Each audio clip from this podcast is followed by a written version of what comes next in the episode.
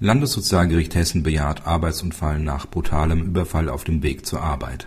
Einem Versicherten, der auf dem Weg zur Arbeit Opfer einer Gewalttat wird, steht eine Unfallrente zu, soweit nicht alle möglichen Tatmotive ausschließlich im persönlichen Bereich des Betroffenen zu suchen sind. Nur in diesem Fall könne ihm der Versicherungsschutz versagt werden, entschied das Hessische Landessozialgericht in Darmstadt in einem am 8. 4. 2008 veröffentlichten Urteil.